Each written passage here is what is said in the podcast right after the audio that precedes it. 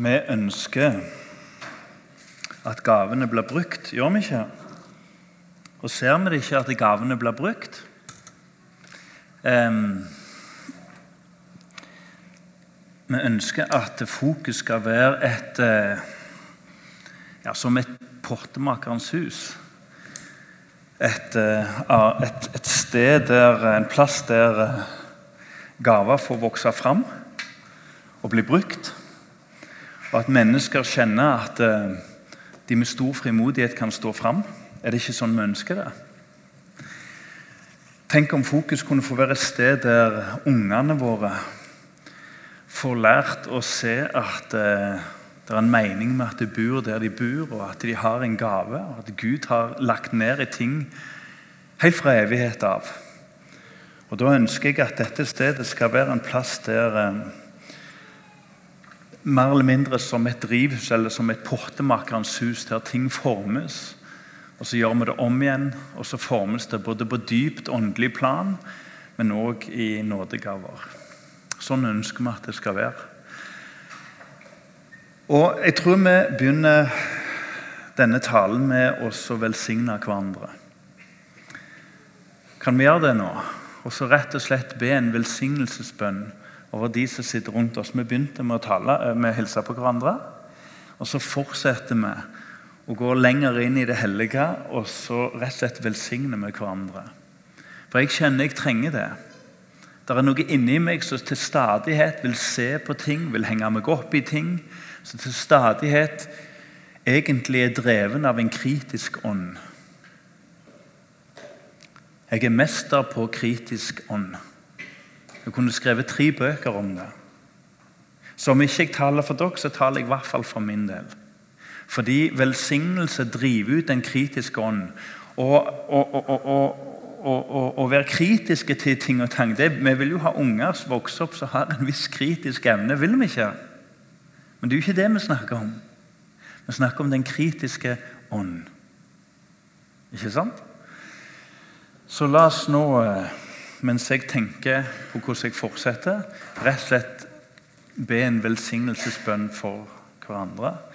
Og Jeg vil minne om at i Johannes 17 så sier Jesus veldig flott Jeg ber ikke for verden. Var ikke det flott? Det høres jo helt katastrofalt ut. Men jeg ber for dere, sier han. For Jesus visste at det, det sto og falt med de kristne. Med de få disiplene han hadde samla. La oss velsigne hverandre. Ja ehm, Bare en bitte liten ting. Jeg syns det er flott. Det er noen karer her, tilfeldigvis karer, som jobber med å prøve å få til lyd.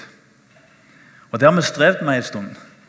Og Så var det en lettelse å høre når det kommer profesjonelle lydfolk her og så sier at den, den equalizeren var stilt veldig rart. Den er jo helt feil. Og Så begynner de å plukke litt, og så sier de han var ikke helt feil. For denne salen er litt vanskelig. Han er liksom lagd egentlig mer for musikklag og med klang og alt det der. Og så jobber vi med det.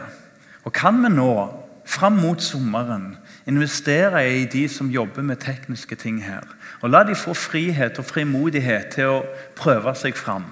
Vi fant ut i dag at en av disse, nok en av de, var ødelagte. Prøv sjøl. Så hvis vi kan få det litt sånn her som vi har det i begynnelsen av møtet i dag At vi starter møtet med mektig og kraftfull sang. Var ikke det flott? ikke det der vi vil? Ikke fordi at vi ser kun på det ytre og Herren gransker hjertene, liksom, men vi er bare opptatt av at det tar seg bra ut. Men, men simpelthen fordi at eh, vi ønsker en kraftfull lovsang og en tilbedelse i ånd og sannhet. Lyden fikser de andre. Kan vi si det sånn? Og Hvis vi har en del ting, og det gjelder ikke bare lyd, det gjelder mange ting Prøv å være søndagsskolelærer med dine unger. I hvert fall med mine.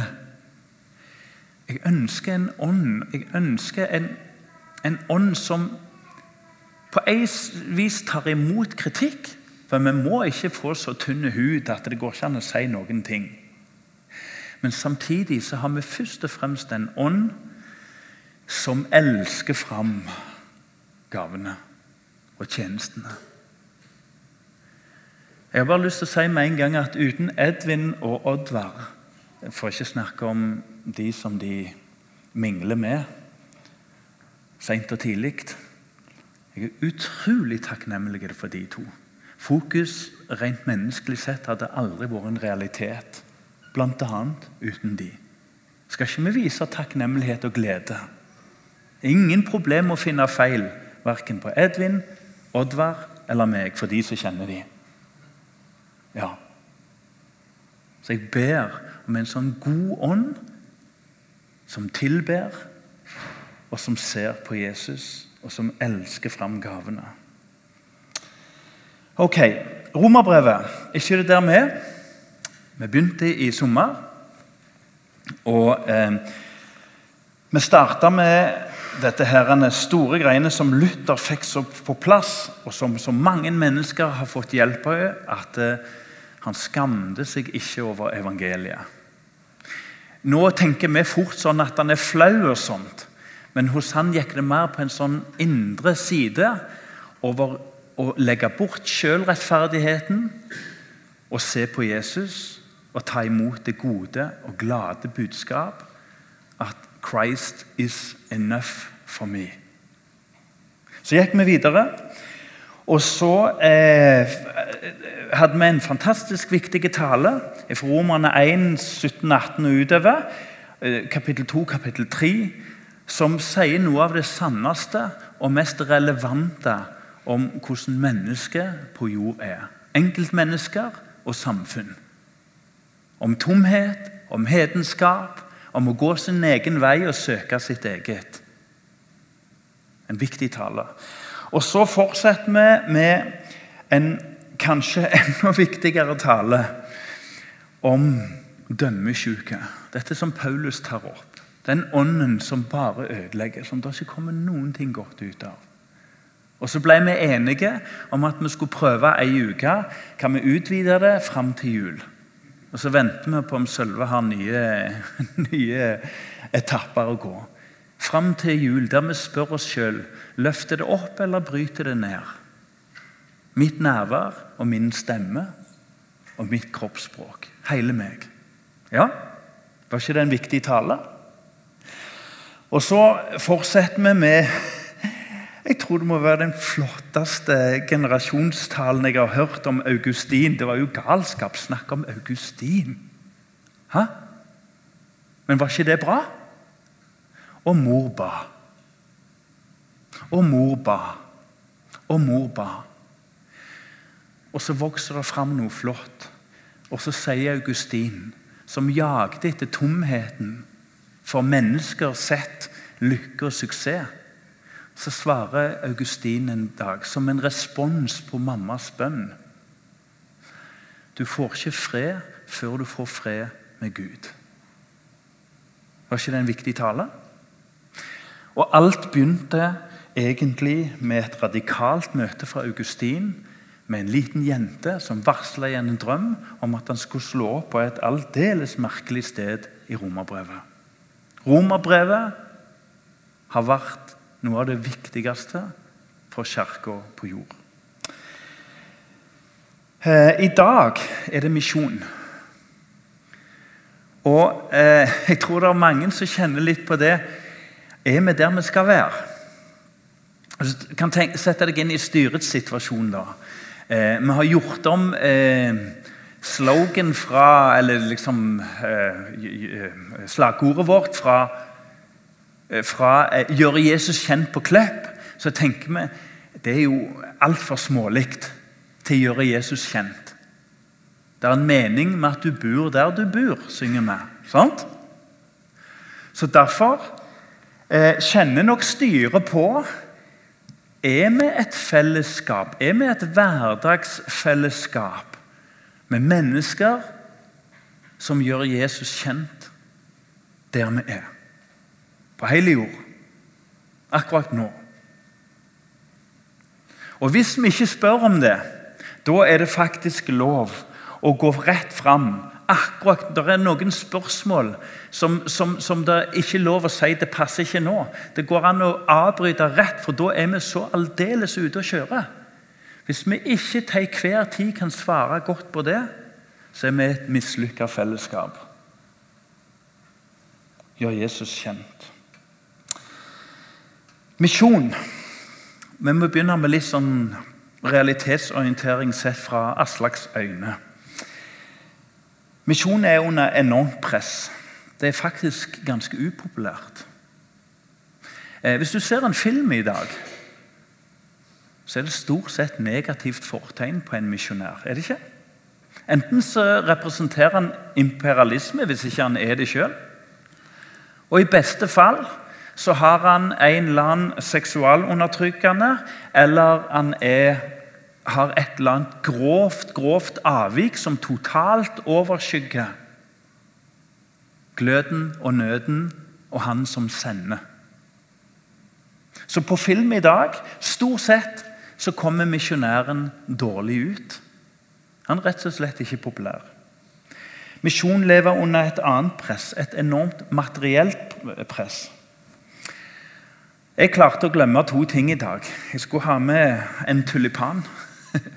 Og det ligger for meg å glemme tulipaner. Eh, men i 1637 toppa det seg aldeles i Nederland. Med det første børskrakket verden har sett, er det mange som mener. Tulipankrakket. Visste du at én løk, som var ganske nytt og heftig og spennende, ble et investeringsobjekt som representerte ca. ti årslønninger for en faglært. Ti årslønninger for en faglært. For én løk. Snakk om å være løk. Ja. Dette begjæret etter korte penger, short trading Vi skal være litt forsiktige, fordi vi trenger børsen. Vi trenger noen som holder orden på penger her. Så ikke vi liksom plasserer liksom de der, mens vi golvleggere vi er liksom salva bare ved å være golvleggere. Det blir litt feil. Men det er et enormt begjær. Det er et enormt begjær. Jeg tør driste meg utpå å si at eh, jeg ble med eh, på Jærhagen her om dagen. Og vi trenger Jærhagen. Gjør vi ikke? Vi trenger jo det. Tak over hodet. Vi bor ikke i Spania. Knallbra. Men jeg kjente på en enorm tomhet. Jeg tror det var litt irriterende for de rundt meg, for jeg la ikke, la ikke skjul på det. Men jeg kjente på en enorm tomhet i en ellers flott Jærhagen som vi trenger. En enorm tomhet. Et enormt jag etter tomhet. Og vet du hva? De kristne i Norge, mange av dem er i ferd med å bli den øvre middelklasse, om ikke det må etableres til og med en helt ny klasse for de kristne. Det kunne vi snakket mye om. Hvorfor? Men materialismen er ei klam hånd om misjonens sak. En annen ting som eh, eh, og denne ja, tulipanen da, det, det, er jo liksom et symbol på at det plutselig datt alt sammen. Og til slutt var en løk verd en løk. Pengene var borte, og tomheten eh, gnegde spesielt for de som var ruinerte. Misjonen har blitt en privatsak. Ni av ti sammen i sist gudstjeneste tør ikke si noe, snakker høyt og tydelig om det de tror på.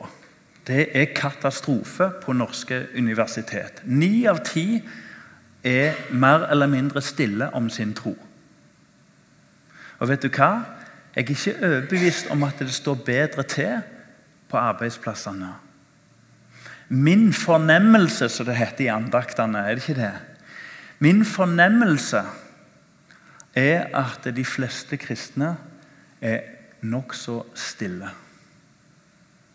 Tar jeg feil? Nokså stille. Eh, misjon har òg blitt relativt. Alt er relativt, sier noen. Og det er ingen som er så relativiserte nettopp som kristne. For vi kommer fra faste holdepunkt. Vi kommer fra kjærlighetens gode rammer. De ti bud som er det beste for et menneske, god styring for et menneske. Og så er det ingenting som har på en måte blitt flytta fra fasthet til løshet som de kristne. Hvis en tenker lengde av bevegelse. Og eh, Da sier gjerne mennesker i dag kristendom er flott, det. Flere av mine venner sier det, som ikke er kristne. Det er kjempefint. Og Jesus levde godt, og det er mye godt med kristendommen. Men det der med å omvende mennesker Det syns jeg ingenting om. Jeg hater det. At du skal konvertere mennesker, at mennesker skal, skal liksom tro på det du tror på, fordi det er du som har rett. For alt er jo relativt. Ikke alt like sant. Du har funnet noe flott, jeg ser det. Bare ikke pakk det på meg. Og Da spør jeg meg sjøl hvem påvirker hvem? Hvem er misjonær for hva? Alle mennesker er en misjonær, sier Bibelen. Alle mennesker sår og høster som de sår. En relativist sår relativisme og mot kristne som har mista frimodigheten sin. Så kommer Bibelen, og så leses det på en fin måte opp her at budskapet om Jesus selve personen in flesh er et godt budskap til mennesker. Og så bruker Gammeltestamentet poesi. Og I dag har jeg på meg helt feil sko, for de representerer egentlig utrolig dårlig meg. Kun på søndagen. Men jeg skulle hatt med noen sko. Fordi tanken fra Bibelen er at de kristnes sko er vakker musikk i andres ører. Sånn tenkte Gud det. Mens frimodigheten til de kristne, spesielt i det nordlige Europa, er i ferd med å bli helt avspist. Helt på bunnivå. Det kan ikke komme lenger enn dette. Og jeg ønsker velkommen mer motstand for oss kristne.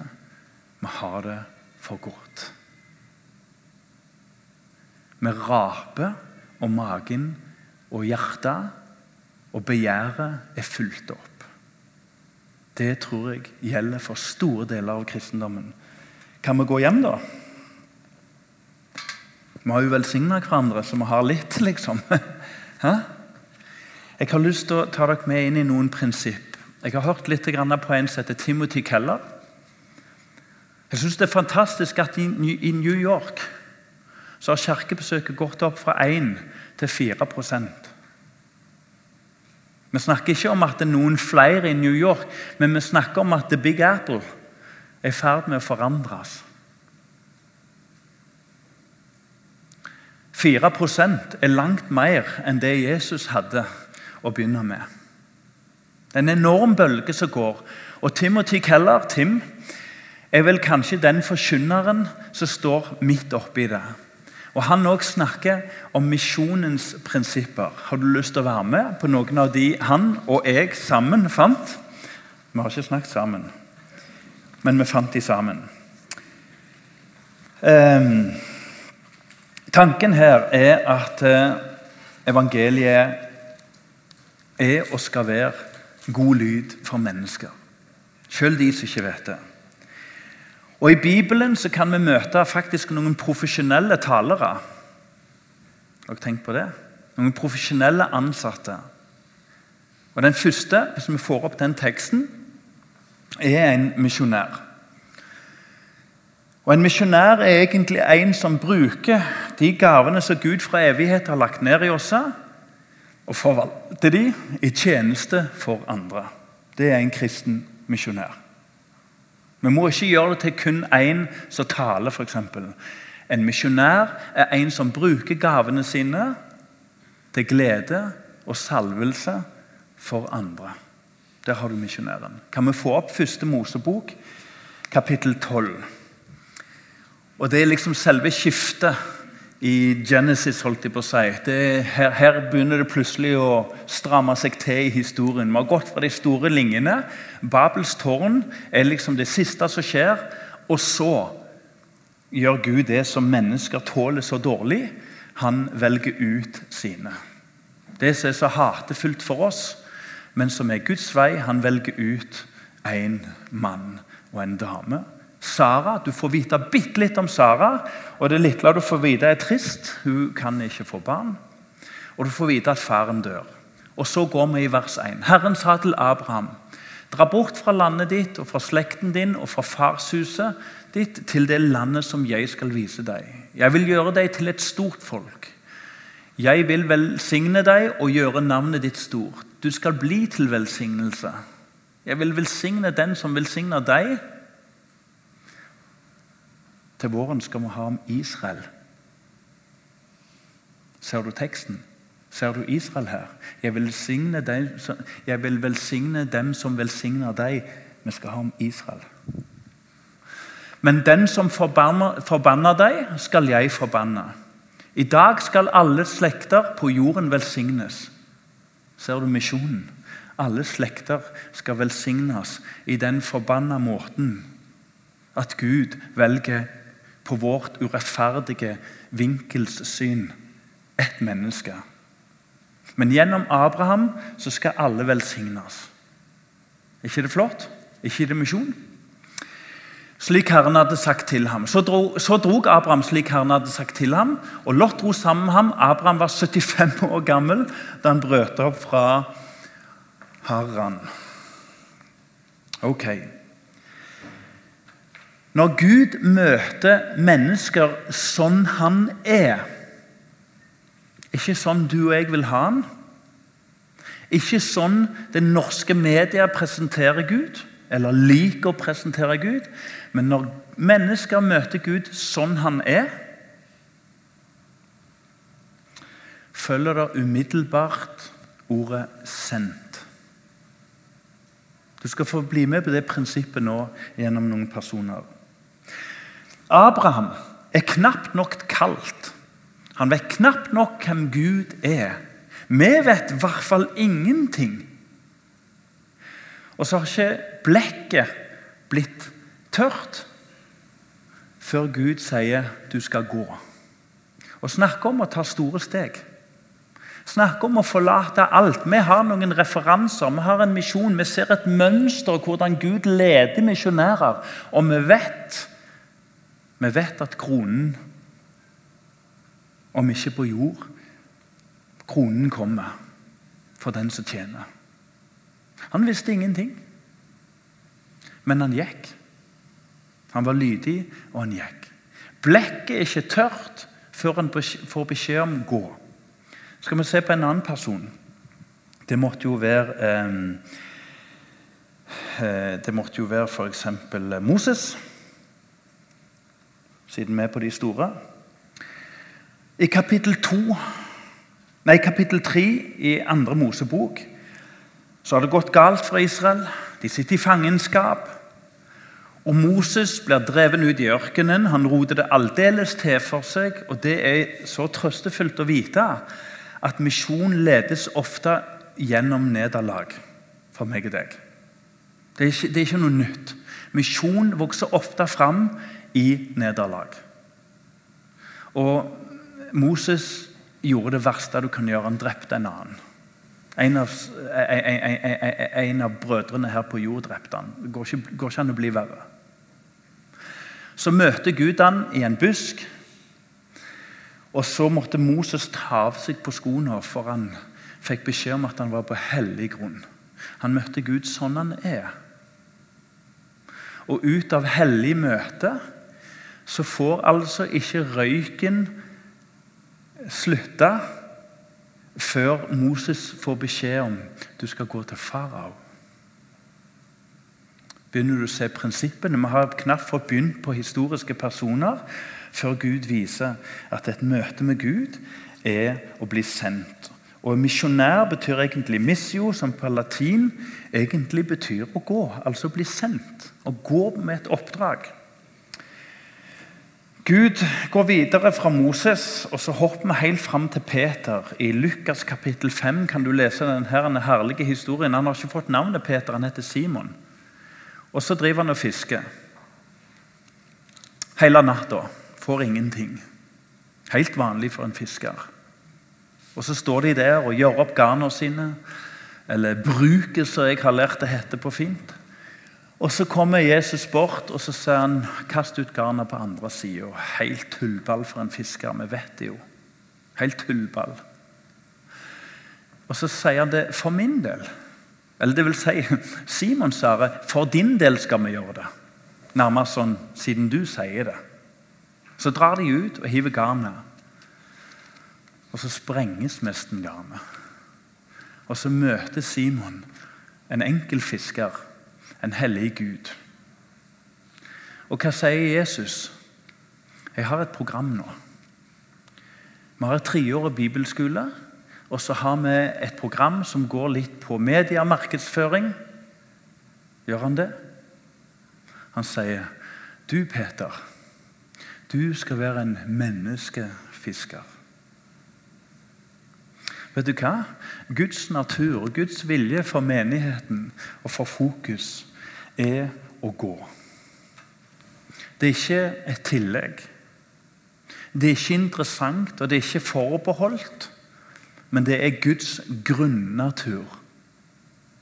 Han vil ha et møte med deg, og han sier 'gå'. Paulus òg, han har vi jo lest om. Han er jo knapt døpt til lidelse og etterfølgelse før han får beskjed om at eh, du skal reise ut. Det vil si, han var litt sammen med vennene sine. Og så sendes han ut, og det står at han forkynte evangeliet om Jesus Kristus oppstått. Han snakker ikke om alt det andre. Han går smalende, går rett på sak. Han vil snakke om Jesus, og han oppstått. Ikke bare alt det andre for seg sjøl. Til slutt vil jeg ta en ting til før vi går på et annet prinsipp. Jesaja 6. En, en sterk tekst i Bibelen. Det er en vanlig sabbat. Skal vi tro det er en lørdag. Og så er Jesajas, profeten, på vei inn i nei, inn i tempelet. Og han vil tjene Gud, han vil løfte opp Gud, og han vil gjøre det med løftede hender. Det er ikke noe som noen i USA kom på, Casey. Det er ikke USA som fant opp det. Sorry. Det står i Bibelen. Med løftede hender. Sant? Så er det rart at når vi går inn i lovsangen Det vi minst hadde tenkt å møte, var Gud. Du kommer til et møte, og, minst, og, du søker Gud, liksom. Og det du egentlig minst hadde tenkt deg, var et hellig møte men den rene, sanne Gud. Og det skjedde i dag med ham. Han så Gud løfte opp. Han så serafer som fløy rundt, som priste. Og så oppdager han i møte med helga jeg er en mann. Håper han visste det, da. Jeg er en mann med ureine lepper. Og jeg er blant et folk med ureine lepper. Og Så tar den hellige Gud, ikke liksom-guden, ikke halvveis, ikke, ikke 20 %-guden, men 100 %-guden. Javé tar ved sine under og legger en gloheit stein på leppene hans. Så han gikk fra å ha ureine lepper til brennheite lepper. Fokus er sendt. Og vet du det? Det står at tempelet ble fylt med røyk igjen. Mønster. Og røyken siver ikke ut dørene engang. Før Gud sier til Jesajas Folket ditt er sløvt. Folket ditt er vrangt. Folket ditt er døvhørt. og de skal du gå til. Hva svarer Jesajas i møte med den hellige Gud? Her er jeg. Nei, han sier, se, her er jeg. Send meg. Det er et mønster i Bibelen. Hvis jeg kan få lov å ta dere bitte lite grann med mot, mot, den siste delen av talen her. Inn i ett til prinsipp. Og til slutt så skal vi se på Johannes 17. Ett til prinsipp, og så Johannes 17. Timothy Keller, og jeg gjemmer meg bak han, for det er ikke lett å være profet i egen bygd. Timothy Keller sier midt i New York, midt i kulturens holdt jeg på å si, innerste kjerne for den vestlige verden. Han sier sånn Du kan ikke bli til andres velsignelse dersom du ikke vil forsake noe eller, eller miste noe. Og det kjenner jeg på. At det er en ånd iblant oss som gjerne vil gå. Men jeg vil ikke miste. Og jeg kjenner den inn i mitt liv. Jeg har prøvd å være ærlig, som man skal, og sagt at jeg kjenner på et tap fra de første åra i mitt voksne liv, der mennesker og venner ble kristne. Rent rundt føttene mine. Vi bodde i Lørenskog. Og så Johan han er visst blitt kristen, han. Jo da, så går vi videre. Og så var det så naturlig. Og så har jeg mista det. Det har skjedd mye kjekt i fokus, men jeg har mista det rundt føttene mine. Og det verste av alt jeg har rettferdiggjort meg sjøl for alt annet som var så viktig. Vi må sette mot i hverandre. Og vet du det? Av og til setter vi mot i hverandre med å minne hverandre på at noe må vekk. For vi vet det jo. Vi vet det, at det er noen ting som er vekk. Timothy forteller at i New York så er det akkurat nå noen som ønsker å starte en ny menighet. Og så sier han, kjære menighet og så nevner han to navn. Er dere klar over hvor mye penger de må bruke for å få til dette? Bibelen taler jo om førstegrøten. Han snakker ikke om det som igjen. Og sier at eh, vi har jo leasa en ny bil, så vi har ikke råd. Men Bibelen taler om førstegrøten. Altså først til Guds rike, så skal dere få det andre. Er det rart vi kjenner på tomhet? Er det rart vi kjenner på tomhet? Dette handler ikke om nytt bygg eller ei. Dette handler om å søke Gud og sette ting i riktig rekkefølge. Og så kommer gleden. Og vet du det? Dette unge paret som starter en ny menighet Fritida deres vil bli helt forandra. For det krever alt. Familien Det vil gjøre store inngrep i familien. Det vil gjøre store inngrep på mange vis. Og vi sitter og tenker at når Jesus sier til sønnen at du skal ikke begrave faren din, du skal følge meg nå, så tenker vi at det er jo billedlig talt. Det er slettes ikke billedlig talt. Jesus vil at menn skal begrave sin far. Han vil det. Men han ville ikke at det skulle komme i veien for misjonen. Det var tanken. Det var det han utfordrer oss på. Så jeg har lyst til å oppmuntre deg. Og ikke spre dårlig samvittighet over alt du ikke har gjort, men oppmuntre deg til det vi alle vet. Vi vet det jo. At tenk for en glede den dagen, om det skulle være 11. i 11. på Rembrandts Day, eller noe sånt, hva det heter. Om det skulle være i dag, så var dagen i dag det hellige møtet som skaper den store gleden å rydde vekk, sånn at Guds rike får vokse i misjon. Eh, tid, eh, venner, popularitet, komfort. Alt forsvinner. Og Vi har et lite ønske her. Ikke så rent lite. I Fokus har vi prøvd å sagt at hovedpilarene i Fokus er gudstjenesten. Det er jo i dag.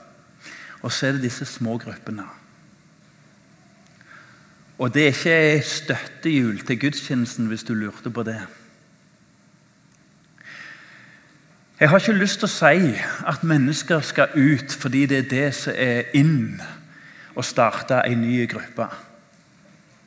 For da gjør vi det i kjøtt. Da gjør vi det ikke i ånd og kraft.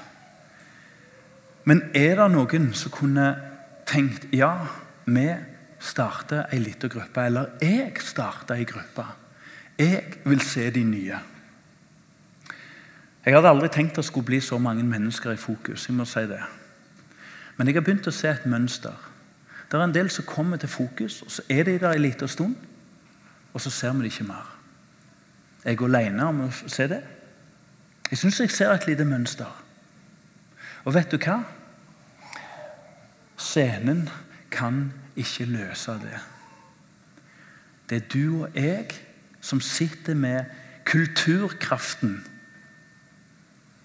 Misjonskulturkraften i at du og jeg Ja, hjemme hos oss er det plass. Vi kan gå ut. Enten ut av den gruppa du er i, eller du ser at du tenker at vi tåler å være i to grupper. Og Så skal vi ikke tvinge folk å si at det er bare én måte, det er smågrupper. For, for, for, for, uh, Herrens veier er, er ransakelige, og da kan godt våre veier òg være litt løse. Men det er noe med det at uh, mennesker, når de kommer til fokus, så skal de kjenne ikke bare at de blir godt tatt imot her, men de skal kjenne at det er plass inn i ditt liv. Og da må det ryddes. Hvis det er sant at evigheten har to utganger. Da må det ryddes. Hos Vigdis, hos Aslak hos hele menigheten. Og så kan vi også, Hvis vi kan få opp hebreerne, kapittel eh, 12, 12, og vers 3. Hebreerne 12, 3. En nydelig tekst. Med blikket festa på ham. Ikke det òg en sånn ting som river vekk den kritiske ånd, den negative ånd? Det er når menigheten i, i, i sangen slutter å se på det og det og det, og slutter å tenke hva Toren kan og ikke kan. Men, men, men, men egentlig Toren leder oss inn i, i, i å få blikket festa på Kristus. ikke det det vi vil? Og Så kommer vers eh, to her. Kan vi få vers to? Med blikket festa på ham, så er troens opphavsmann og fullender Jesus. For å få denne gleden han, altså Jesus, hadde i ventestopp det passet glimrende For å få den gleden som Gud har lovt, Faderen har lovt Sønnen, en glede altså Sier det oss noe om at misjon er glede? Sier det oss òg noe om at eh, materie og alt det andre Hvis det er det vi bygger livet vårt på, så er det tomhet. Viser Jesus oss vei her. For å få denne gleden han hadde i vente, så fortsetter vi. Holdt han ut på korset uten å bry seg om skammen.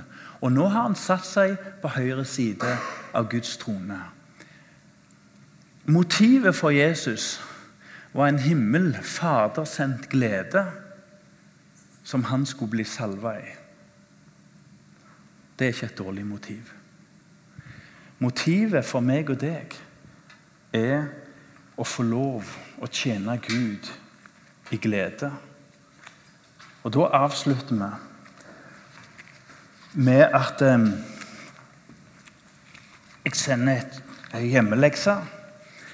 Kunne vi gått hjem og lest Johannes kapittel 17 og Romerne kapittel 10. I dag hadde vi Romerne kapittel 10 om forkynnelsen, om hvordan mennesker ble frelst, og da må noen bli sendt. Vi kunne snakket om mye annet der. Vi vet at troen kryper inn øra, som den lille gutten sa. Når, han ikke kunne, når, når kompisen hans ikke kunne forstå hvordan den store Jesus skulle få plass i en liten gutt. Han kryper inn øra. Om ikke mer i dag, så har vi hørt på noen flotte bibelvers som kryper inn øra, og så skaper det ting.